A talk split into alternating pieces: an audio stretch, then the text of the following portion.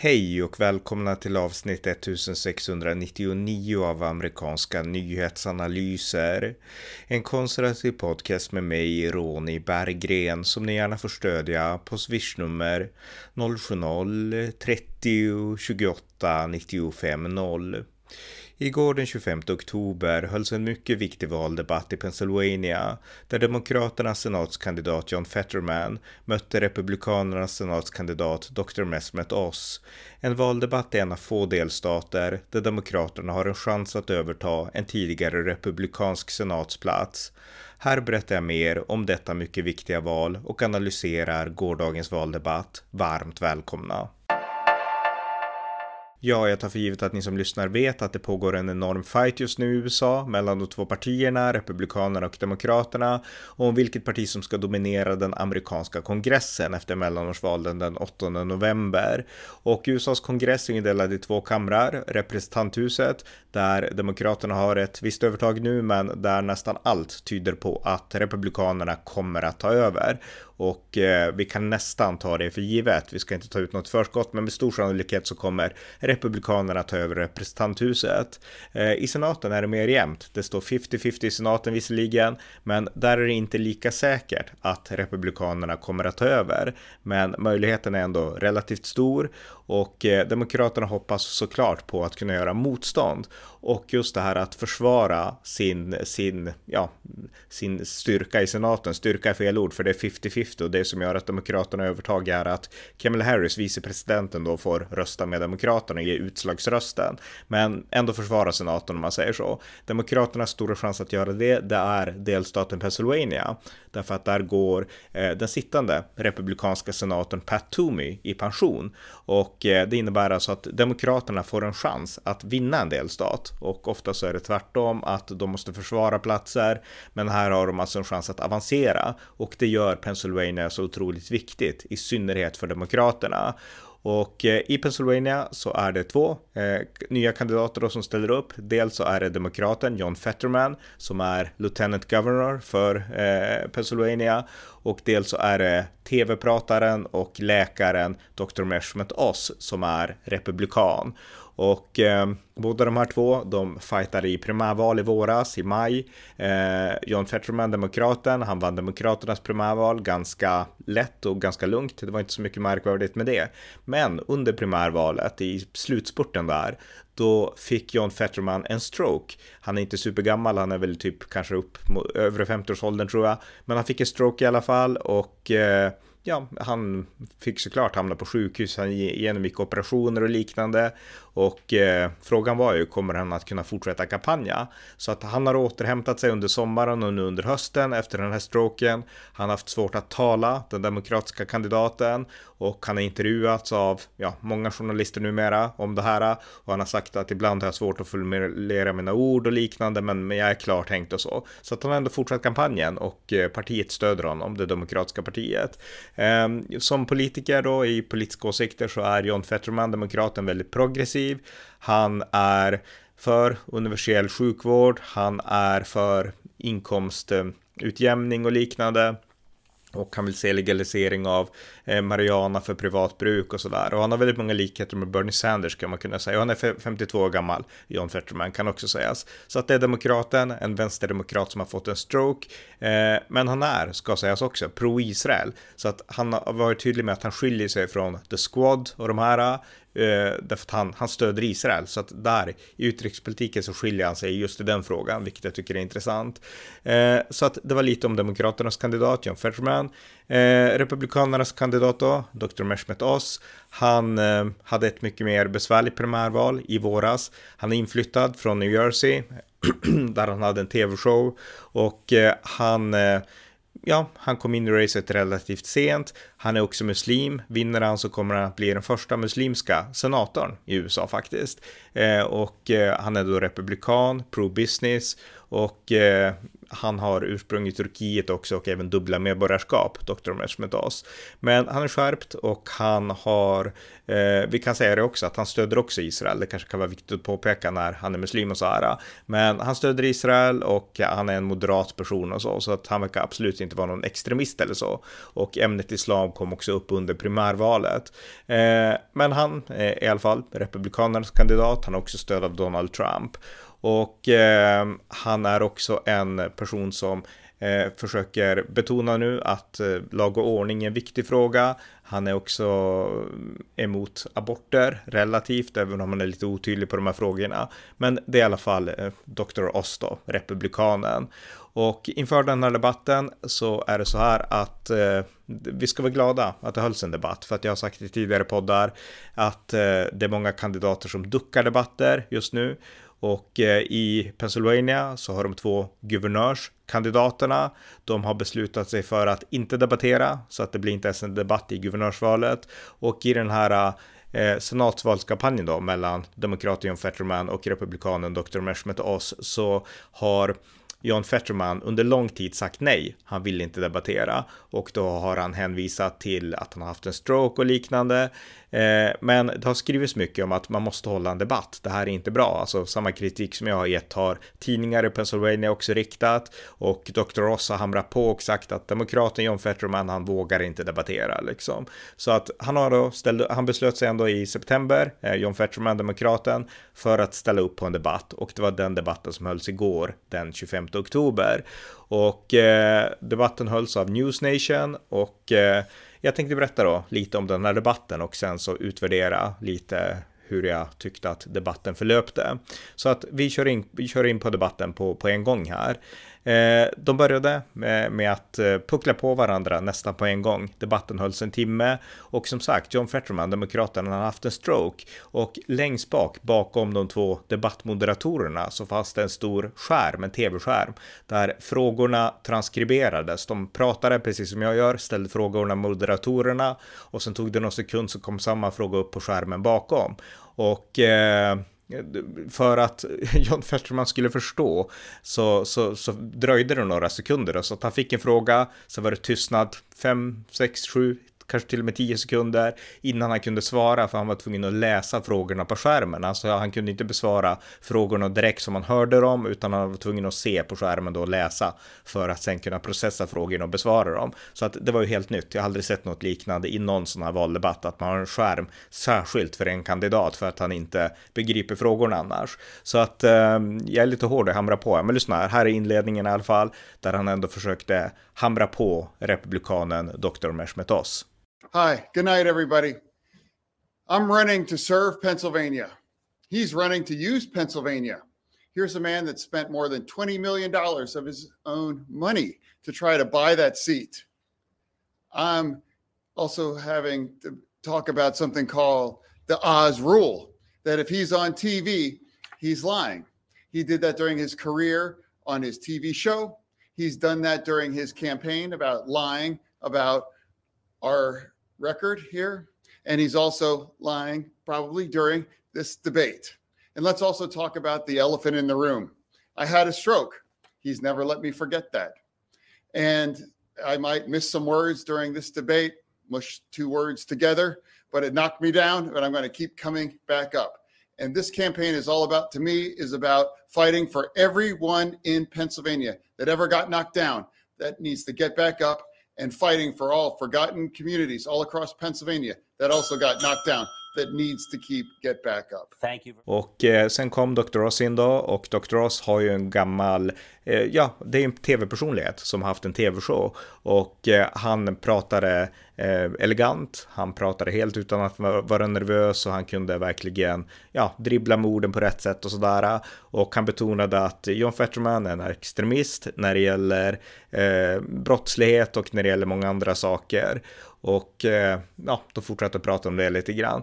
Eh, sen så kom de in på minimilöner och eh, Eh, John Fetterman, demokraterna, han kritiserade republikanen oss för att Eh, vara en rik person som inte förstod enkla människor kan man säga.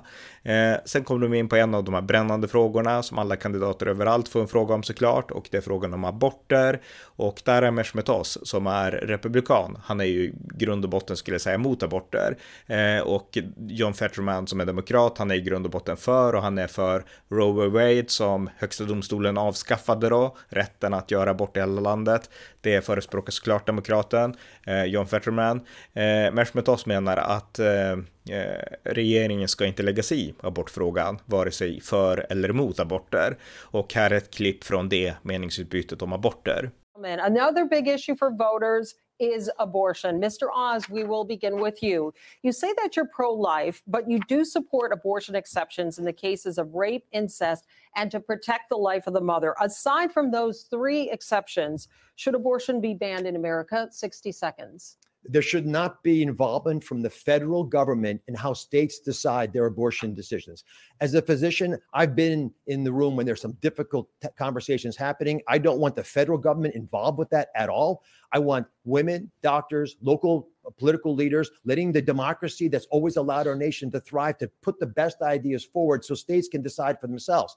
Contrast that with my opponent, John Fetterman, who on this debate stage said that he would demand federally mandated rules for all states they'd have to follow that would allow abortion at 38 weeks on the delivery table. And he would force it to be subsidized by taxpayers across the country, no matter what their personal beliefs are. That's radical. That's extreme. That is out of touch with what the average voter in Pennsylvania believes is appropriate. Now, ironically, John Fetterman's been running ads on this topic, dishonest ads. I need to correct the record. They were so bad, they got pulled off television stations. I've got even on this station, they, he was running dishonest ads that I had pulled off. I haven't had a single ad pulled down. My ads tell the truth. John Fetterman's are a fiction of his imagination. All right. I'm going to let Mr. Fetterman respond specifically about the ads being pulled off the air, and then we will return to you, Mr. Oz.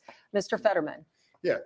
I want to look into the face of every woman in Pennsylvania. You know, if you believe that the choice of your reproductive freedom belongs with Dr. Oz, then you have a choice. But if you believe that the choice for abortion belongs between you and your doctor, that's what I fight for. Roe v. Wade, for me, is should be the law. He celebrated when Roe v. Wade went down, and my campaign would fight for Roe v. Wade, and if given the opportunity to codify it into law. All right. Thank you, Mr. Fetterman. Going back to you, I want to circle back to something that you said, Mr. Oz. You mentioned the decision to regulate abortion should be something that is left up to the states. Now, Republican Senator Lindsey Graham has introduced a federal bill to ban abortion after 15 weeks. I know that you've been asked about this question before.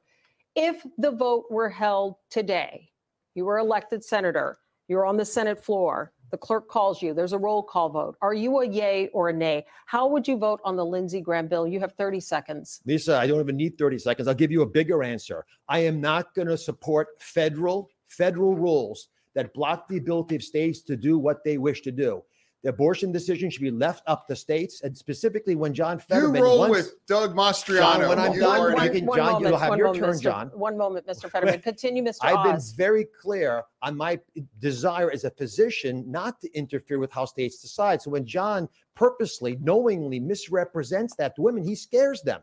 He's purposely trying to alarm them, and the fear mongering isn't working running tens of millions of dollars of ads claiming that I'm against all abortions when he knows that's not right, claiming that I'm going to be stri- strict with Pennsylvania when he knows that's not honest. I can't be any clearer that I've been on the stage today. John Fetterman, if you just hear that one story today, I'd be really happy. But I know you're not going to because you're going to go right back to telling the fables that you believe. Mr. Oz, I want a 15 second clarification. You are saying that you would leave it up to the states that the federal government does not have a role here. So are you saying you would not vote for the Lindsey Graham bill? Any bill that violates what I said, which is the federal government in, interfering with the state rule on abortion, I would vote against. What I feel strongly about is that women in Pennsylvania understand what I'm saying and not believe that someone who's taken an extreme position like John Fetterman represents them, because most women do not believe that we should, at a federal level, codify 38 weeks of, of uh, permission to have an abortion and have taxpayers pay for it. So a yes or no on the Lindsey Graham bill? I think I've answered this very, very clearly oh, three times, Lisa. Okay, all right. Thank you, Mr. Oz. Och eh, efter det så kom moderatorerna faktiskt in på hälsa Och eh, det är så här att John Fetterman, demokraterna då, som hade en stroke i våras, han har inte deklarerat sin fulla, sitt fulla hälsotillstånd. Alltså man har inte fått sett någon tydlig eh, genomgripande hälsodeklaration från hans läkare och eh, han vill inte redovisa det. Och eh, i, i september så skrev faktiskt New York Times en artikel, en, en författare som heter Lawrence K. Altman, en artikel om att politiska kandidater borde verkligen redovisa sitt hälsotillstånd. Och då tog han exempel med just demokraten John Fetterman i Pennsylvania för att det är så övertydligt. Här har vi en kandidat som har haft en stroke och knappt kan prata, han har börjat lära sig igen och ändå fortsätter han kampanjen och han kan bli liksom senator i, ja, den amerikanska senaten och få makt över politiska frågor som påverkar hela världen, inte bara USA utan hela världen verkligen verkligen. Och eh, den här författaren i New York Times menar att väljarna måste få, de här, alltså kandidaterna måste bli öppnare med, med liksom sina sjukdomstillstånd och liknande så att väljarna kan ta det i akt när man lägger sina röster i valurnan eller hur man nu röstar. Därför att det är annars ansvarslöst. Därför att det är så här att eh, i, i förhållande till presidenten så finns det 25 tillägget. Om en president skulle, till konstitutionen då, om en president skulle bli tillräckligt eh, borta i huvudet att han inte kan tjänstgöra, då kan man avsätta presidenten, byta ut honom för det är för viktigt position för att ha en helt sjuk president. Men någon liknande regel finns inte för kongressen, så att om man röstar in en kongressmedlem i senaten i det här fallet då som är sjuk så innebär det att eh, om personen inte kan tjänstgöra så blir den frånvarande. Och eh, är det för många sådana så undermineras ju systemet. Och eh, vill politiska kandidater, skriver man i New York Times, undvika att redovisa sitt hälsotillstånd eller på något sätt om man skäms för det eller vad det än kan vara liksom som gör att det här är min privacy som det är för de flesta privatpersoner. Då finns det valet att inte kandidera därför att det här är för viktigt för att allmänheten inte ska få insyn i det skrev man i New York Times då. Och i debatten så tog man upp det här och eh, här är ett klipp då. Let's turn to what has become one of the key themes of this race, fitness to serve. For these individual questions There will be no rebuttals allowed. Mr. Fetterman, we begin with you. You suffered, as you mentioned a moment ago, a stroke four days before the May primary. Last week, you released this note from your doctor saying you can work full duty in public office, but you have not released your detailed medical records surrounding your stroke. Mr. Fetterman, will you pledge tonight to release those records in the interest of transparency? You have 60 seconds. No. Uh, uh, to me, for transparency is about showing up. I'm here today to have a debate. I have, you know, spe- uh, speeches in front of 3,000 people in Montgomery County, you know, all across Pennsylvania, big, big crowds.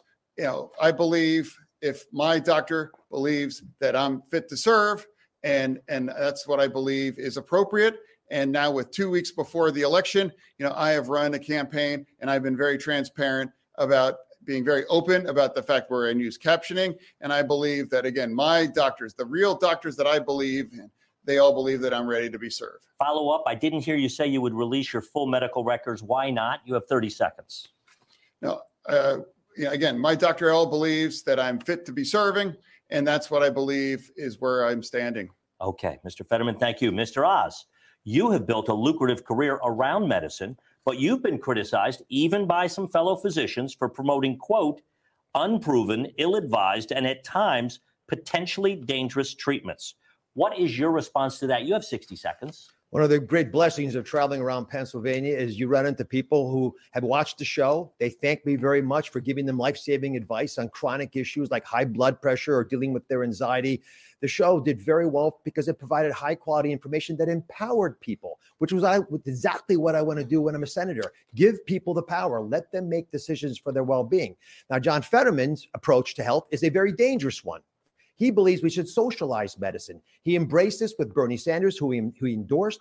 The two candidates call themselves the two most progressive people in America. When you have socialized medicine, Dennis, you shut down the ability of people to get access to health care. Doctors stop practicing. There are no medications available. The lines get long. It's a disaster and it puts people at risk. So I don't believe we should allow socialized medicine, the abolition of all private health care insurance in America, and, and radical positions like the ones taken by John Fetterman make him too extreme to serve. If we're going to bring balance to Washington, you got to bring people who understand the ramifications. Even Joe Biden even Joe Biden called John Fetterman's idea, I'll quote him, preposterous. Det var alltså ett klipp där de skulle prata om hälsa och vill man skämta till det lite grann så kan man säga att eh, John Fetterman, han fick kritik för att han haft en stroke. Är han verkligen fit to serve? Medan eh, Dr. Meshmetos, han fick en fråga om han, ja, var han egentligen en kvacksalvare istället för en läkare? Så vill man skämta till det så kan man säga det så, men det finns också en mer allvarlig ton i det hela tycker jag. Och eh, bilden man får när man lyssnar på John Fetterman eh, och tittar på honom också i den här debatten, det är att han framstår stel som en robot.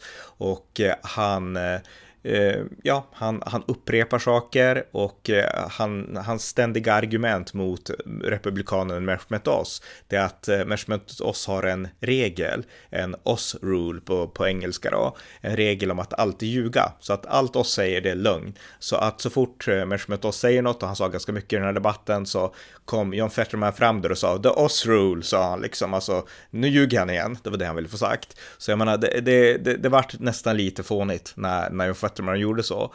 Och han hade svårt att formulera tydliga meningar, alltså det märktes glasklart när man såg debatten att det här är en kandidat som, det är något som inte stämmer. När han försöker liksom, han får en fråga han kan inte svara och sådär. Och det här blev supertydligt när de pratade om fracking och fracking handlar då om att bryta ut eh, naturgas och olja och sånt från bergstoppar. Fått stor kritik av många miljöaktivister. Men det var någonting som pratades om i den här debatten och där har då John Fetterman haft en, han har varit tydligt kritisk mot fracking. Eh, men han fick en fråga här och eh, där så svamlade han också på, hade svårt att liksom formulera alltså ett bra svar utifrån att han haft en position förut mot fracking och en position nu där han är för fracking. Och Dr. Ross har också haft liksom lite kontrasterande åsikter här när det gäller fracking. Alltså, han har varit populistisk, spelat efter liksom när folket var emot fracking var han emot och sen vart han för liksom. Så att det är säkert populism och säkert i bådas fall. Men eh, det är stor skillnad på hur de formulerar sig i frågan och hur de hanterar sina respektive liksom eh, ja, inkonsekventa i synen på fracking. Lyssna på det här eh, avsnittet här. Mr. Oz, we begin with you. You wrote a column in 2014 calling for no fracking pending health study results. But in a video posted on social media in March, you said, quote, natural gas guarantees high paying skilled jobs right here in Pennsylvania. So back off Biden, give us freedom to frack. Mr. Oz, please explain that changing position. 60 seconds. I've been Frack very consistent. Fracking has been demonstrated. It's a very old technology to be safe. Uh, it is a lifeline for this Commonwealth to be able to build wealth, similar to what they've been able to achieve in other states. For that reason, I strongly support fracking, drilling, the piping of that natural gas. In fact, I built a facility even in Philadelphia so we can export it uh, to our allies and help them, the ones that are struggling now in Eastern and Western Europe because of the Ukrainian war. John Fetterman calls fracking a stain on Pennsylvania. He says that he would sign a moratorium to ban its continued use. He, he he's against pipelines. Thank you, Mr. Oz. Uh, Oz rule. Mr. Fetterman, you know, I absolutely support fracking. Mr. Fetterman, I do have a specific question which you can continue on this topic, but you have made two conflicting statements regarding fracking.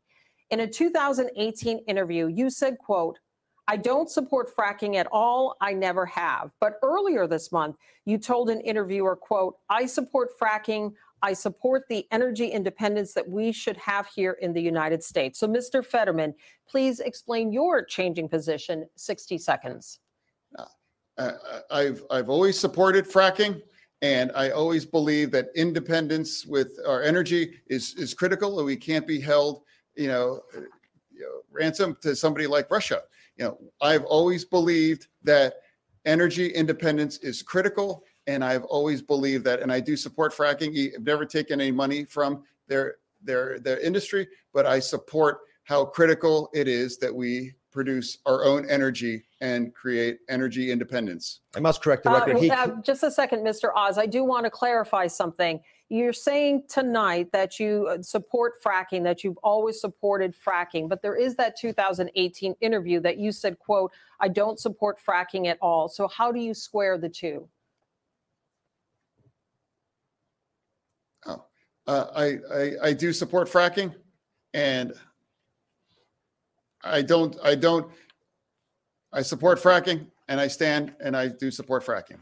Okay, thank you, Mr. Fetterman. On I'm sorry, the- Lisa. Eh, de diskuterade också brottslighet såklart som är en viktig fråga överallt och de diskuterade illegal invandring och bussning och eh, vikten av en säker gräns och ofta så var det så att John Fetterman gav inga kvalificerade svar utan han gav inlärda talking points. Han kunde inte se nyanserna i problem. Han kunde liksom inte göra de här komplicerade kalkylerna utifrån specifika situationer och tillstånd utan han gav något svepande svar och det gällde nästan allt han pratade om ska sägas.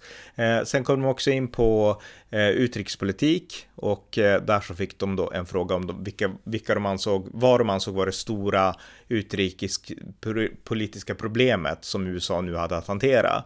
Och eh, John Fetterman, han betonade Kina, Meshmet Oz betonade faktiskt Iran och i viss mån Ryssland i förhållande till Iran. Lyssna här om, om utrikespolitiken. What do you believe is the greatest foreign threat to the United States of America? You have 60 seconds. I, I believe, I, I believe, you know, is is right now is is China. I believe China is not our friend. And I believe that we can't be able to push back and we need to stand against China. And I believe that Dr. Oz has chosen to uh, manufacture all of his merchandise on his name on it in China. Which one of us on this stage is going to stand up against and stand firm against China? You know, uh, and I believe that's our single biggest issue right now to make sure that we address China and make sure that we know that it's not our friend. Sounds like Mr. Trump. Oz, no what cap. do you believe is the greatest foreign threat to the United States of America? You have 60 seconds. The fact that our country is not projecting strength. Take, for example, what we're doing with Iran. In order to try to get them to give us a little oil so we can deal with the catastrophe that Russia has caused, uh, we have gone to them and tried to sign a, a deal that would allow them once again to have the nuclear power to blow up Israel, which they promised they would do. John Fetterman supports that deal. It doesn't make any sense for America to treat our enemies better than our allies. Det fick också en fråga om huruvida det stöder sina respektive förmodade presidentkandidater, i Republikanernas fall Donald Trump och i eh, Demokraternas fall då Joe Biden. Eh, Dr. Ross han sa att han skulle stödja den som Republikanerna väljer och det gäller även Donald Trump. Eh, John Fetterman han sa att eh, han, han, han stödjer Joe Biden ungefär. Så att eh, det var svaret på den frågan som även andra kandidater i andra race också har fått då. Eh, sen så fortsatte de att prata och eh, oss, han betonade vid ett tillfälle i samband med att de pratade om social security att eh, Fetterman har duckat de här debatterna och det är på något sätt att undergräva demokratin och eh, här blev Meshmetos väldigt tydlig och väldigt skarp i sin kritik mot, eh, mot eh, Fetterman. Eh, jag lyssnar på det här så ska jag kommentera lite mer sen. Social Security, Medicare, which I know a lot about as a doctor, are the fundamental uh, element of security for our seniors, and they deserve to feel like they're valued by our nation. John Fetterman, again, has been running ads and saying that I'm against those with no proof. I've never said anything different than what I'm saying to you on this stage. But in an effort to fearmonger with people who are older and can be taken advantage of, he'll run these ads. John, it's re- reprehensible, but it's also reflective of your approach to doing these things. You haven't shown up on the campaign trail. You haven't answered questions from voters, not once on the campaign trail. You haven't answered questions from media once on the ma- campaign trail, even you know, just to show off that you could do it. And this is the only debate I could get you to come to talk to me on. And I had to beg on my knees to get you to come. And if it wasn't for Dennis probably getting involved, I don't think it would have happened. Look- Seniors need to know more about your radical left positions, and I need to be able to tell them about my positions. That's what democracy is built on. We exchange ideas, the voters decide. You have hidden from them. Mr. Oz. Och eh, det här kan sägas att eh, tidigare så diskuterades det innan debatten om huruvida Meshmet Oz skulle angripa eller anklaga eh, John Fetterman för att ha haft en stroke och lyfta fram det som en tydlig svaghet. Han gjorde inte det, han nämnde inte John Fettermans stroke, men faktum var att han behövde inte det, utan det enda han behövde göra det var att angripa snabbt och aggressivt olika sakfrågor, ge Fetterman ett tillfälle att svara och Fetterman klarade inte av att svara, utan han, han liksom svamlade, han stammade och han, han lyckades sällan ge ett bra svar och det vart nästan lite pinsamt därför att så fort han försökte svara då var moderatorerna där. Det, det, det blir nästan övertydligt och avbryter. Alltså han, först, är- först är Fetterman tyst i 10 sekunder för han måste ju läsa det som står på skärmen och sen så börjar han svara jag tycker och sen så slänger han fram ord som på något sätt ska likna någonting men som inte är ett riktigt svar och då säger moderatorerna att nu måste vi gå vidare och sen kastar man en fråga till Dr. Oz, republikanen istället. Eh, ni kan lyssna på det här klippet till exempel bara för att få något slags exempel på det. Thank you. Mr. Fetterman, he said a few things a moment ago. I want to give you 15 seconds to respond to those. Now, again, I just can't, I can't just say one thing other than that Dr. Oz would not support, and he would support cutting Medicare. And that's. that's John, a why do you It's- say it's- that? I've it's- never it's a- said that. It's absolutely a fact.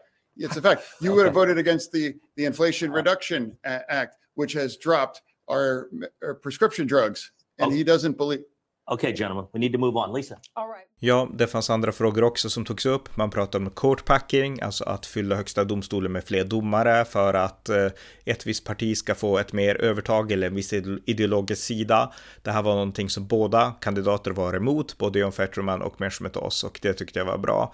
Men eh, ja, det här var lite kort om debatten därför att det fanns många sakfrågor här som var intressanta såklart, även om man tar aborter. Där är en tydlig skillnad mellan John Fetterman som är helt för aborter och eh, Dr. Oz som är emot aborter men försöker på något sätt undvika att besvara frågan öppet, vilket i sig säger tydligt att han är betydligt mer mot aborter än vad, kanske, vad, som kanske egentligen skulle gå hem i Pennsylvania. Eh, och eh, andra frågor så, så, som till exempel sjukvård så har de också olika syn.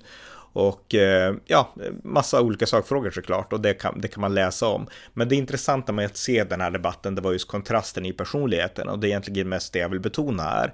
Därför att om man har läst om det här racet så har det ju skrivits mycket om sakfrågorna och naturligtvis också som jag noterade med New York Times-artikeln också om att John Fetterman har haft en stroke. Men, men jag tycker ändå att det här måste betonas. Här har vi ett så unikt race att vi har en kandidat som nyss har återhämtat sig från en stroke som helt uppenbart, det blir helt uppenbart uppenbart om man ser den här debatten, har svårt att formulera meningar och liknande. Eh, det diskuteras just nu om Joe Bidens hälsa, eh, har han kapabel, alltså den mentala hälsan att vara president? Men, men samma fråga måste verkligen ställas om, eh, om John Fetterman, alltså senatskandidaten för Demokraterna i Pennsylvania, därför att han, eh, han, han kan inte formulera sig. Och att ha en stroke betyder inte nödvändigtvis att du absolut inte kan vara politiker, men, men i det här fallet, det är så tydligt att det här är ju liksom, som politiker vill du ha en skärp person, du vill ha en person som verkligen kan fatta snabba beslut och liknande. Alltså det är det du vill ha hos en politiker. Och eh, det finns då faktorer så, som gör att eh, alltså allt måste utvärderas. Jag delar verkligen synen i den här New York Times-artikeln att allt måste utvärderas. Och eh, de här politiska, de som är insiders och verkligen håller på ett team, de har såklart överseende med det här. De tycker sakfrågorna är viktigast. Det här är vår representant och både Barack Obama och Joe Biden Biden ska för övrigt komma till Pennsylvania den 5 november för att kampanja för John Fetterman och Obama har ju varit ute och sagt något om att eh, fler borde vara som John Fetterman därför att John Fetterman är en sån vanlig kille, liksom en arbetarkille och det är sant. Men, men alltså det hjälper ju inte riktigt när han, inte, när han knappt kan prata. Alltså det, sen kanske han återhämtar sig från det här, vad vet jag, men, men jag tycker verkligen att eh, det här måste deklareras mer för väljarna och nu ville han inte visa sin hälsodeklaration, men det behövdes inte för jag tror att alla som såg den här debatten, de såg en demokratisk kandidat som är eh, ja, som inte riktigt var helt närvarande. Det var ändå uppfattningen man fick när, när man såg den här debatten. Och eh, då kan man på något sätt eh, välja mellan att bara liksom köpa bilden av Fetterman som man läser om att det här är en progressiv kandidat, han är nästan som Bernie Sanders som är väldigt skärpt för sin ålder ska sägas, Bernie Sanders då, eh, och att John Fetterman är, ja, det givna valet för alla demokrater. Det är liksom mediebilden och läser man bara så kanske man kan tro det och lägga sin röst, men tittar man på den här debatten och utvärderar personligheterna, då kommer man att känna att det här är ju vilken, vilken kandidat ungefär. Och den stora majoriteten som inte är helt liksom nedgrävd i policy policyfrågor och, och så, eh, för de betyder också personligheterna någonting. Så att jag tror inte att den här tv-debatten gynnade John Fetterman. Eh, det har ju varit som så här att eh, John Fetterman har haft en ganska god chans att, att vinna den här platsen. Därför att Meshmet Oz har sett som en pajas lite grann och kan haft sina problem. Så att det här var, har verkligen varit Demokraternas chans att, att kunna eh, ja, vinna en tidigare republikansk senatsplats. Men nu tror jag inte att det går längre, utan jag tycker att mer och mer tyder på att Dr. Meshmet Oz kommer att vinna senatsplatsen i Pennsylvania. Jag tror att John Fetterman leder med 1% eller någonting, men jag tror Meshmet Oz har goda chanser att komma ikapp och komma om. Och den här debatten tror jag var avgörande för det, därför att det var ett så, alltså det var ett totalt skilt intryck. Meshmetos proffsig trots att han är betydligt äldre, eh, inte nervös, helt hemtam i tv, medan John Fetterman var nervös och eh, kunde inte formulera sig helt enkelt. Två helt olika personligheter som framstod på två helt olika sätt i tv-rutan. Så att det här har enligt min bedömning gynnat Meshmetos och gynnat Republikanerna. Och eh, man kan fråga sig om Demokraterna verkligen tycker att, att det är bra att hela tiden nominera de här eh, svaga, och då menar jag rent fysiskt svaga kandidaterna som, som inte orkar debattera, inte kan debattera och liksom blir trötta och så. Varför gör de det, Demokraterna? Det kan man fråga sig. Och jag tror att det är någonting som Demokraterna efter det här valet eh, måste börja liksom självreflektera lite mer över. Därför att eh, karisma, personlighet, det betyder också någonting. Men, men för Demokraternas del verkar det inte riktigt vara så. Så att jag tror att den här debatten, bara för att sammanfatta det som ändå kärnan, eh, den gynnade Dr. Meshmetos för att han framstod närvarande och mer professionell. Och eh, faktorerna och orsakerna till att John Fetterman framstod frånvarande och inte professionell, det är såklart tragiska orsaker, fruktansvärt att genomgå en stroke bråk och jag menar all liksom lycka önskas verkligen till hans återhämtning och hälsa. Men frågan som ändå måste ställas, är det verkligen vettigt att ha kandidater i det tillståndet? Den frågan måste kastas ut helt enkelt. Och eh, det är nog egentligen det jag vill trycka på mest i den här debattanalysen då av John Fetterman och eh, Dr. Oz. Så att nu har ni fått en viss inblick i det här racet. Så det är ett spännande race i Pennsylvania, så följ gärna det. Får se hur opinionen går de här två veckorna som, som väntar. Och eh, ja, vi får se om Joe Biden och Barack Obama lyckas ge någon draghjälp till John Fetterman. Tack för att ni har lyssnat på amerikanska nyhetsanalyser.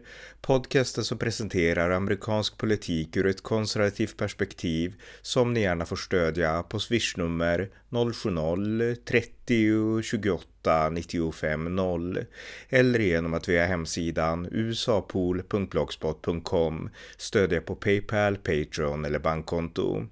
Skänk också gärna slant till valfri Ukraina-hjälp. Vi hörs snart igen. Allt gott tills dess.